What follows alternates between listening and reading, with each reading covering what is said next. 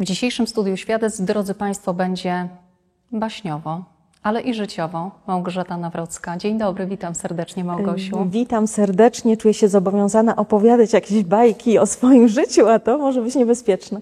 Dlaczego, jak myślisz? Dlatego, że e, większość ludzi na tym świecie twierdzi, że życie to nie jest bajka.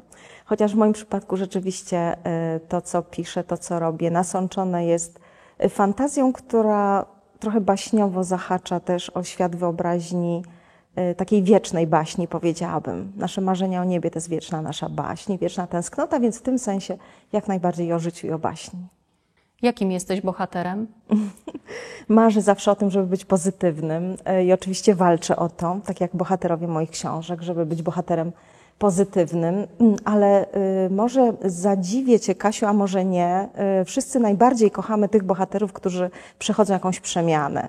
Kiedy czytamy dobrą książkę, to kibicujemy tym mniej doskonałym, mniej udanym, y, mniej y, utalentowanym właśnie do tego, żeby znaleźli w wielkim finale odbicie w lustrze troszkę inne niż to, które zostawili na początku swojej podróży.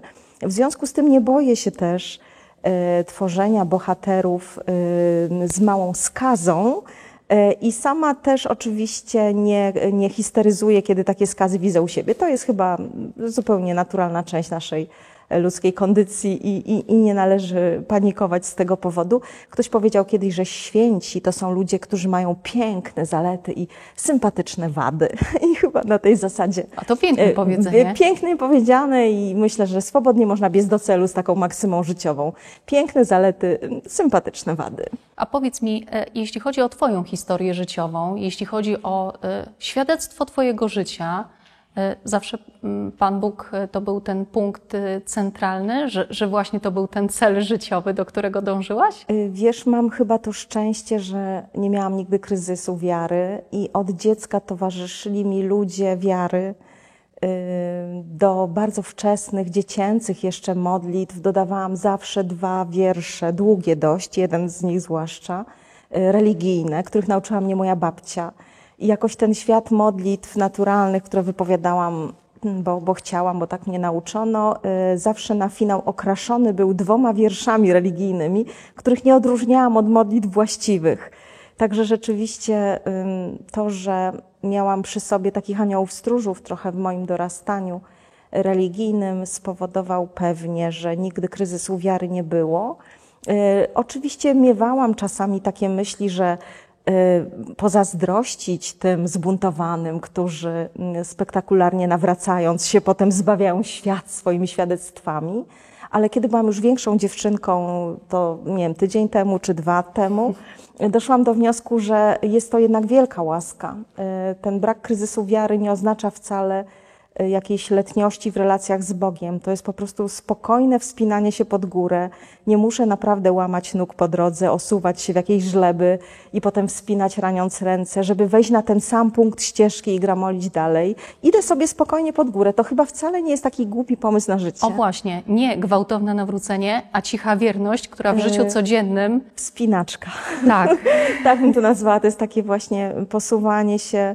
Y, Oczywiście mm, w kondycji ludzkiej jest to, że my wciąż y, marzymy o tym, żeby biec do przodu. Widzimy siebie we śnie najczęściej y, doskonałymi, y, wiernymi Bogu, rycerzami, nie wiem, ja w wersji Joanna Dark, czemu nie, ale życie troszkę weryfikuje te marzenia i y, jesteśmy jacy jesteśmy, ale nie przeszkadza mi to wspinać się, wspinać się wciąż.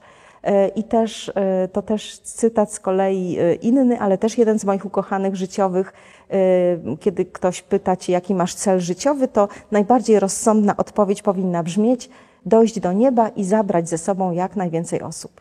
W takim razie powiedz mi, czy życie Cię zaskakuje, czy życie Cię kiedyś rozczarowało? Nigdy mnie nie rozczarowało, bo nie zdążyłam się zastanawiać, czy mnie rozczarowuje, bo żyję w dość dużym tempie.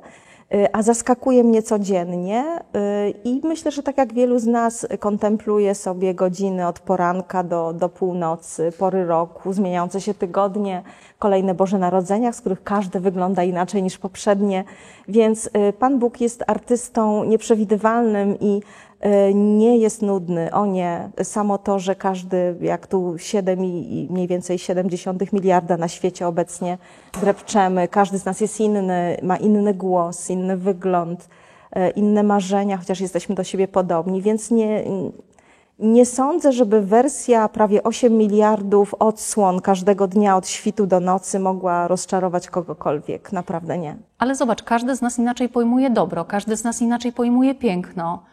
Często jest tak, że y, ktoś, y, kto mówi, że chciałby dobrze, wcale dobrze nie robi. Powiem Ci, do czego dążę. Mhm. Dążę właśnie do literatury, do, do baśni, do fantastyki, bo baśń baśnią ale są te dobre, piękne, wartościowe, ale są też takie, które świetnie się sprzedają, a są niebezpieczne. Y, tak, y, to pewnie trzeba by zdanie do Twojego ciekawego komentarza tutaj dodać na początek.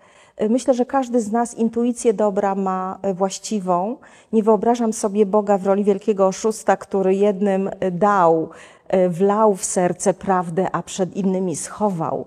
I ci jedni to mają e, szczęście, bo trafią od razu do nieba prostą drogą i będą zawsze umieli rozpoznawać dobro i zło i wybierać dobro i zło, a ci inni biedni nie. Czyli założenie jest takie, i tak to jest to logiczne zupełnie założenie, Kościół o tym mówi, że każdy może się zbawić.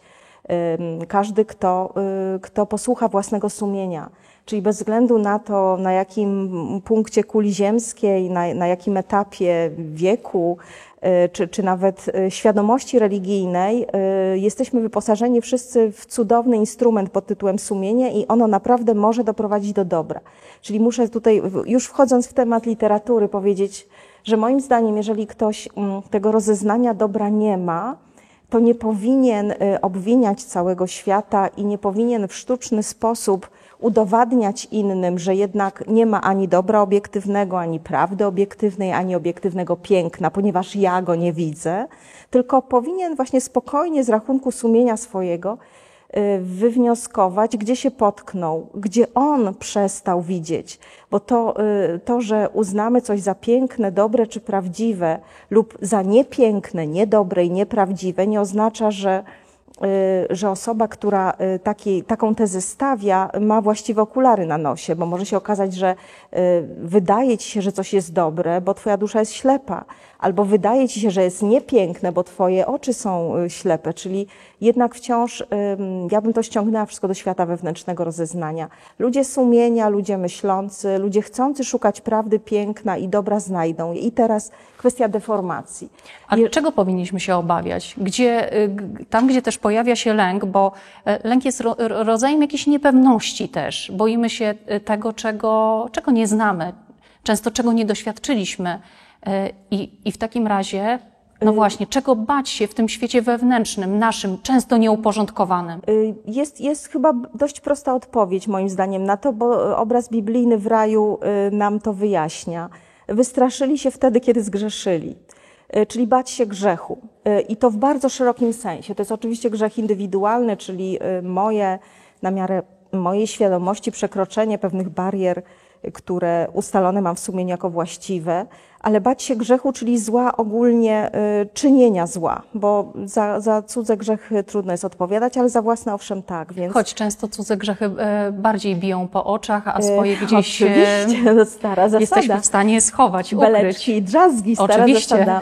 Wiemy o tym. Natomiast tak się składa, że Zastanawiałam się nad tym niedawno, że każda epoka ma swoją duszę, nasza współczesna też. Jest to, czym jest dusza epoki? Na przykład naszej, XXI wiek, E, duszą epoki jest suma mm, świadomości jakby duchowej pojedynczych osób. I tutaj znowu sprowadzę blado to do... wypadamy. E, Coś wy, czuję. Wypadamy blado. I właśnie e, pytanie, bo, bo to, że nie możemy zrobić wszystkiego, nie znaczy, że nie wolno nam próbować zrobić czegokolwiek. Czyli zakładam, że jeżeli każdy z nas odrobinę popracuje nad własnym sumieniem, tym rozpoznaniem dobra, prawdy i piękna, raz częściej e, niż raz w tygodniu przyzna się jednak do jakiejś wartości, suma okaże się nagle zachwycająco wyższa. Czyli jednak mm, myślę, że za mała jest świadomość każdego z nas, że właściwie losy świata zależą od pojedynczych osób, czyli na przykład ode mnie, od, od, od Kasi, od Małgorzaty. Zależą realnie losy świata, czyli od naszej świadomości i naszej gotowości wewnętrznej, żeby zmieniać go na lepsze. Nie ma jakiegoś nie wiem, y, obiektywnego kryterium. To wszystko zależy od tego, co się ma w sercu. Dlatego literatura dobra, zła, czytanie, wybieranie książki, y, filmu, jakiejś aktywności artystycznej, wystawa, rodzaj muzyki, jakiej słuchamy, teatr, który nas cieszy Mm, sport nawet, jaki uprawiamy, czy, czy rodzaj gimnastyki, który wybieramy. Y, to wszystko może powodować, że albo będziemy wpisywali się w jakiś ogólny dobrostan cywilizacji zachodniej, chrześcijańskiej, naszej cudownej i gdzie to dobro, prawda i piękno zostało dawno zdefiniowane i co więcej zweryfikowane historycznie. Bo to jest też tak, że y, możemy się opierać, mówiłaś o lęku, Kasiu, to też bardzo ciekawa kategoria, nad którą można się zastanowić, ale lęku pozbywamy się wtedy, kiedy, jesteś, kiedy jesteśmy oparci silnie o coś. Wtedy się nie boimy. Małe dziecko, prawda, nie przewraca się. Podobnie dom zbudowany na skalę, nie boi się i tak dalej. Można tutaj wiele tego rodzaju y, przykładów przytaczać.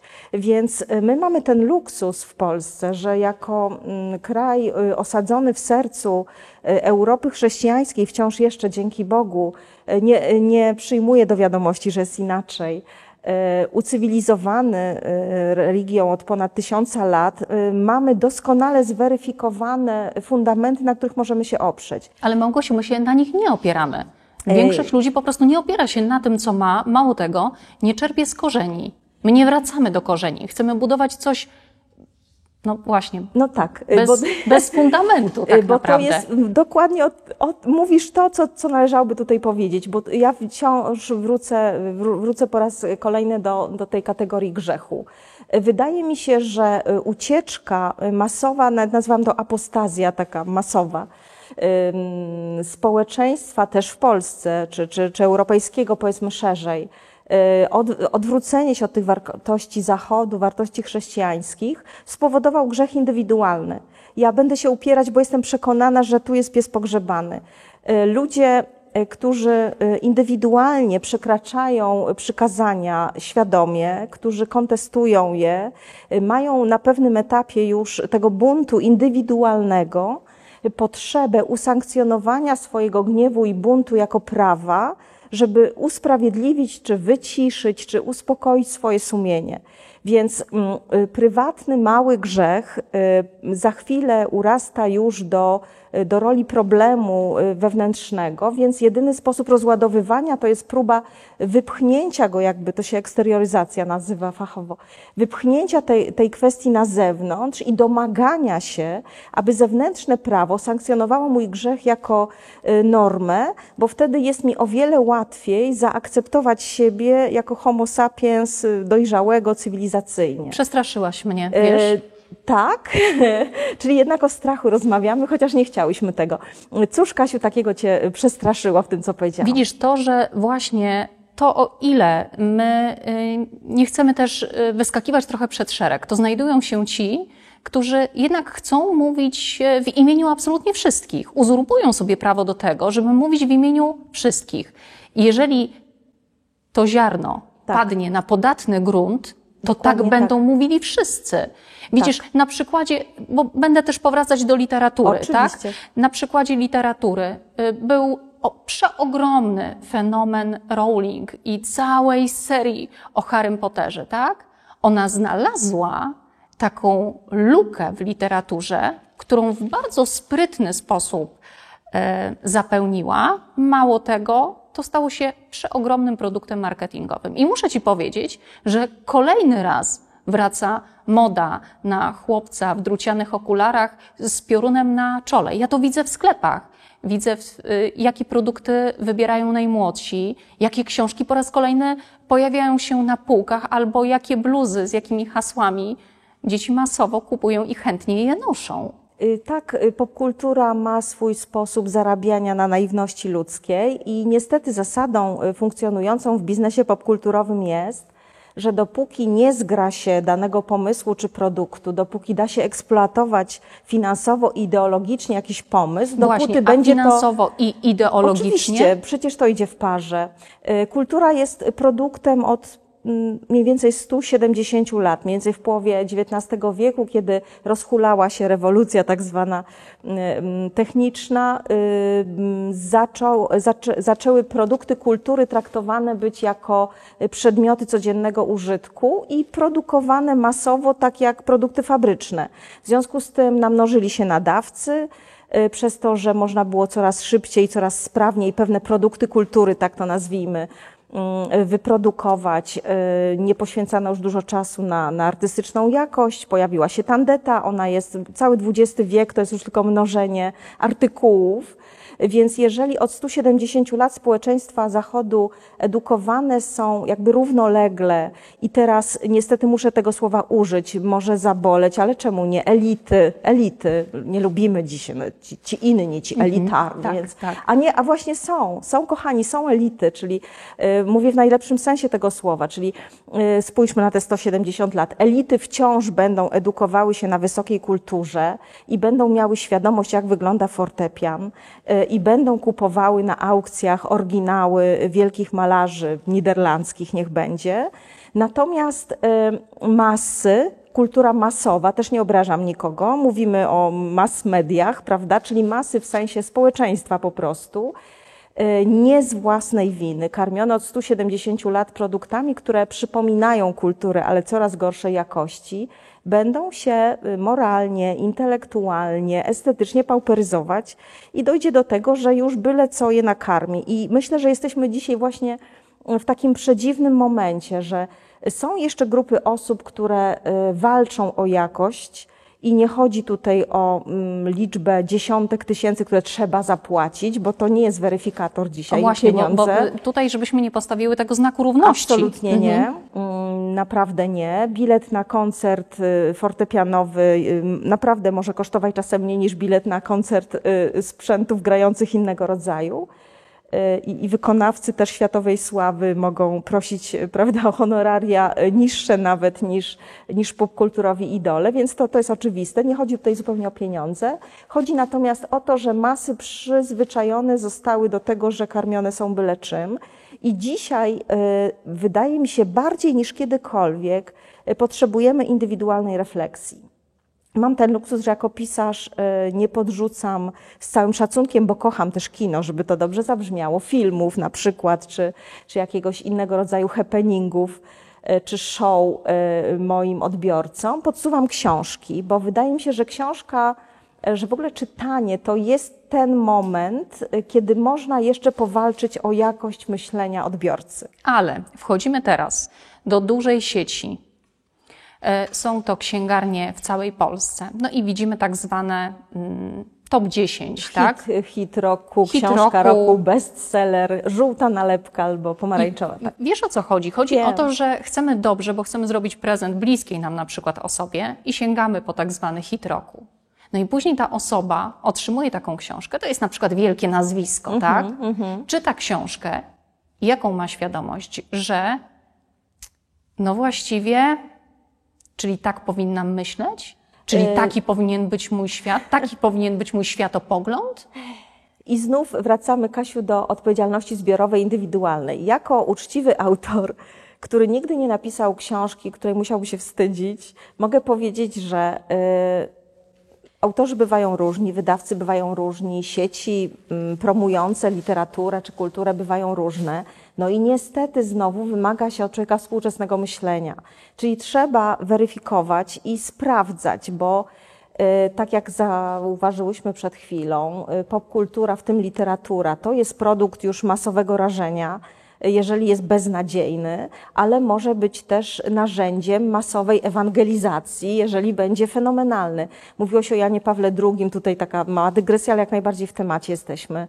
Y, Mówiło się, że to Jan Paweł II superstar, że to pierwszy papież, który kreował specjalnie widowiska medialne, dokładnie to robił żeby ściągać ludzi do Boga.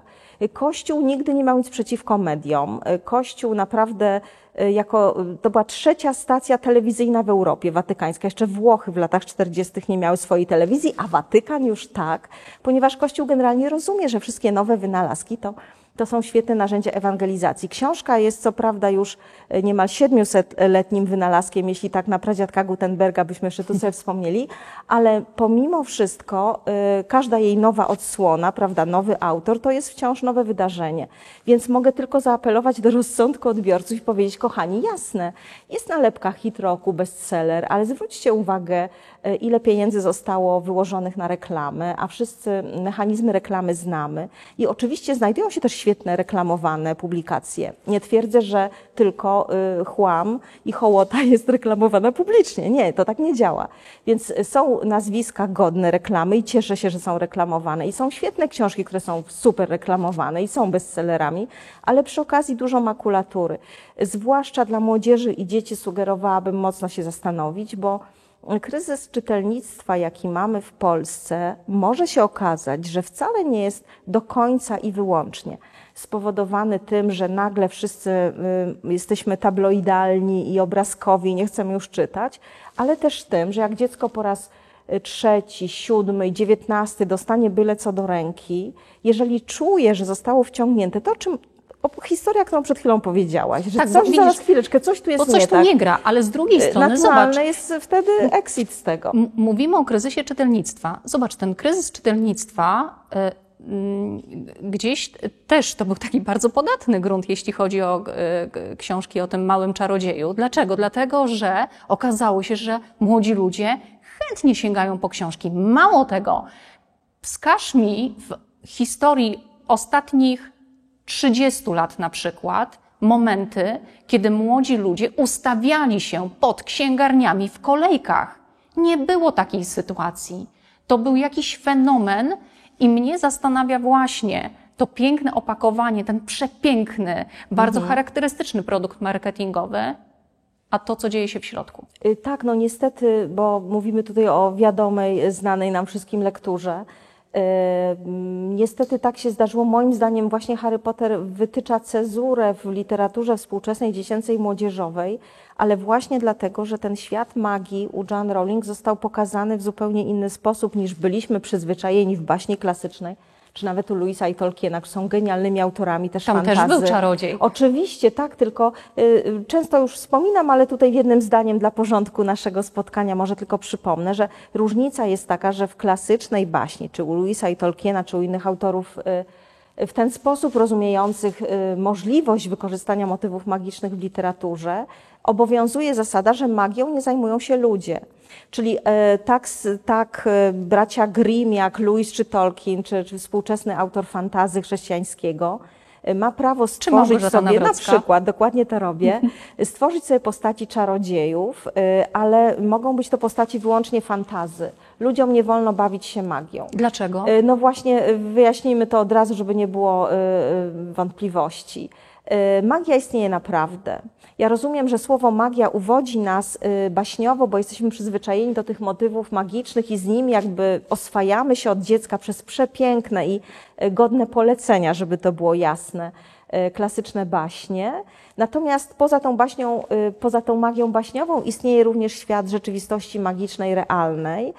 I kiedy siedzi cicho i pod butem cywilizacji, to wtedy wiemy, że gdzieś na antypodach jakieś zabobony tam snują się magiczne ale kiedy ten świat realnej magii z przytupem wchodzi do popkultury i to się właśnie realnie stało przy Harrym Potterze i kiedy nagle y, okazuje się, że 3 miliony Polaków w roku korzysta z usług wróżek, bo takie są statystyki. Dlaczego rocznie. my w to wierzymy, powiedz? No, Dlaczego tak się dzieje? No, kryzys indywidualnego sumienia. Ja będę obsesyjnie dzisiaj optować za tym, żebyśmy jednak żeby każdy chodził ze swoim lustrem i codziennie wieczorem się przeglądał. Gdzie zdradziłem? Jakie wartości? Gdzie okłamałem? Może nawet siebie samego, bo zaczyna się od tego, że ukłamuję siebie samego i wtedy mam już y, y, większy luz w okłamywaniu innych. Ale to najpierw łamiemy zasady wobec siebie samego, bo to my w sumieniu wiemy, y, co przeskrobaliśmy tak realnie.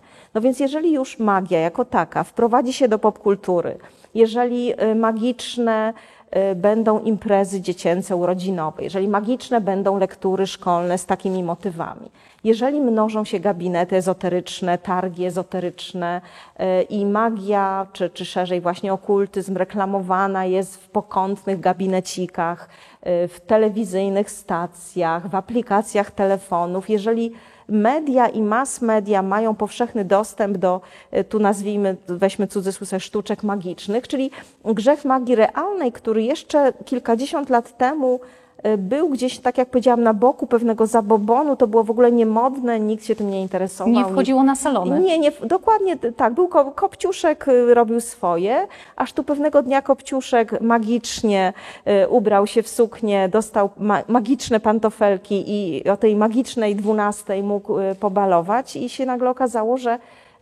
stare grzechy opisane jeszcze w Starym Testamencie, mające tysiące lat, najstarsze religie świata opierają się przecież na magii. Wudu, mówią religioznawcy, najstarsza religia świata, szamańska kompletnie, 10 tysięcy lat około ocenia się wiek tej religii, kompletnie magiczna od początku do końca.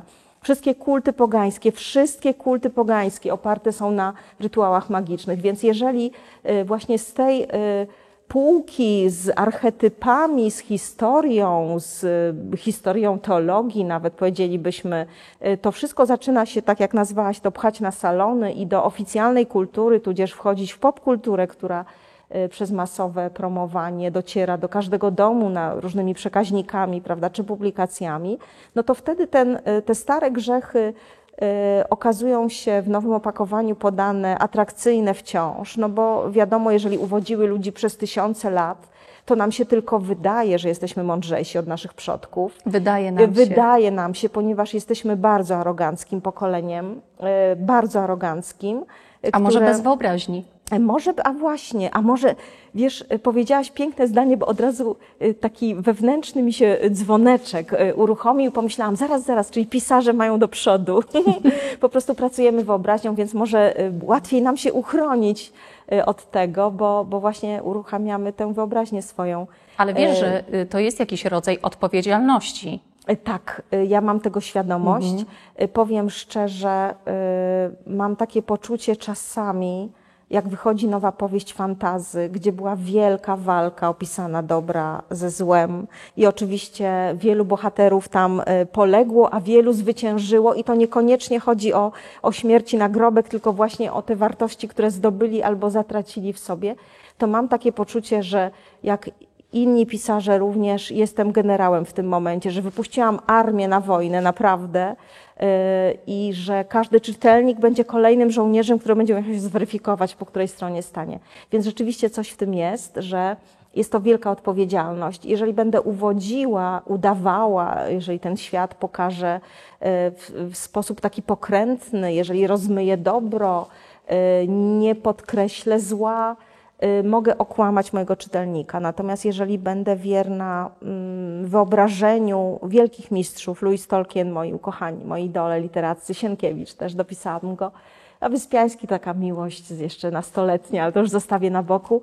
Musiałabym długo wymieniać te miłości literackie, swoje artystyczne, bo, bo wielu takich idoli, w najlepszym sensie tego cudownego słowa idoli y, mam oczywiście jak każdy więc y, tak, Kasiu, zgoda, odpowiedzialność jest ogromna y, i powiem szczerze, czasem y, zimny pot mnie oblewa na myśl, że są autorzy, którzy mają talent ogromny, są geniuszami i wykorzystują źle ten geniusz. Jest wielu popularnych teraz promowanych autorów polskich i zagranicznych, którzy mm, robią karierę na promowaniu pokrętnego świata wartości, dlatego że mają sprawne pióro nie chciałabym nigdy być w skórze żadnego z nich za żadne pieniądze z reklamy. Nie chciałabym nawet na chwilę wziąć ich odpowiedzialności na siebie, ponieważ y, w ostatecznym rozrachunku wracam obsesyjnie, ten wątek dzisiaj nam tutaj wychodzi. Y, nie będziemy rozliczani w milionach egzemplarzy, tylko po sztuce. Więc jak ja już przyjdzie ten dzień, kiedy będę musiała się rozliczyć z talentów, które dostałam, przed Bogiem nie chciałabym naprawdę mieć na barkach odpowiedzialności zgorszenia kogokolwiek, nawet najmniejszego, nawet dziecka, więc jedyne co mogę robić, to w każdej książce walczyć o to, żeby e, świat dobra i zła pokazany był czytelnie, co nie znaczy nudno.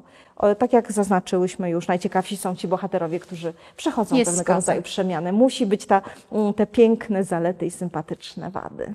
Małgosiu, to ja Ci życzę tego z całego serca. Tego światła Ci życzę, Dzięki. radości, ale także, bo Ty jesteś takim pisarzem pokornym bardzo. To Co czasami, daj Boże. żebyś się trochę zbuntowała, ale tej pokory także. Pięknie Ci dziękuję za to spotkanie. Dziękuję bardzo. Też było mi miło. y, Poopowiadałyśmy trochę o, o w sumie ważnych rzeczach, więc za to też Oj dziękuję. tak, dziękuję.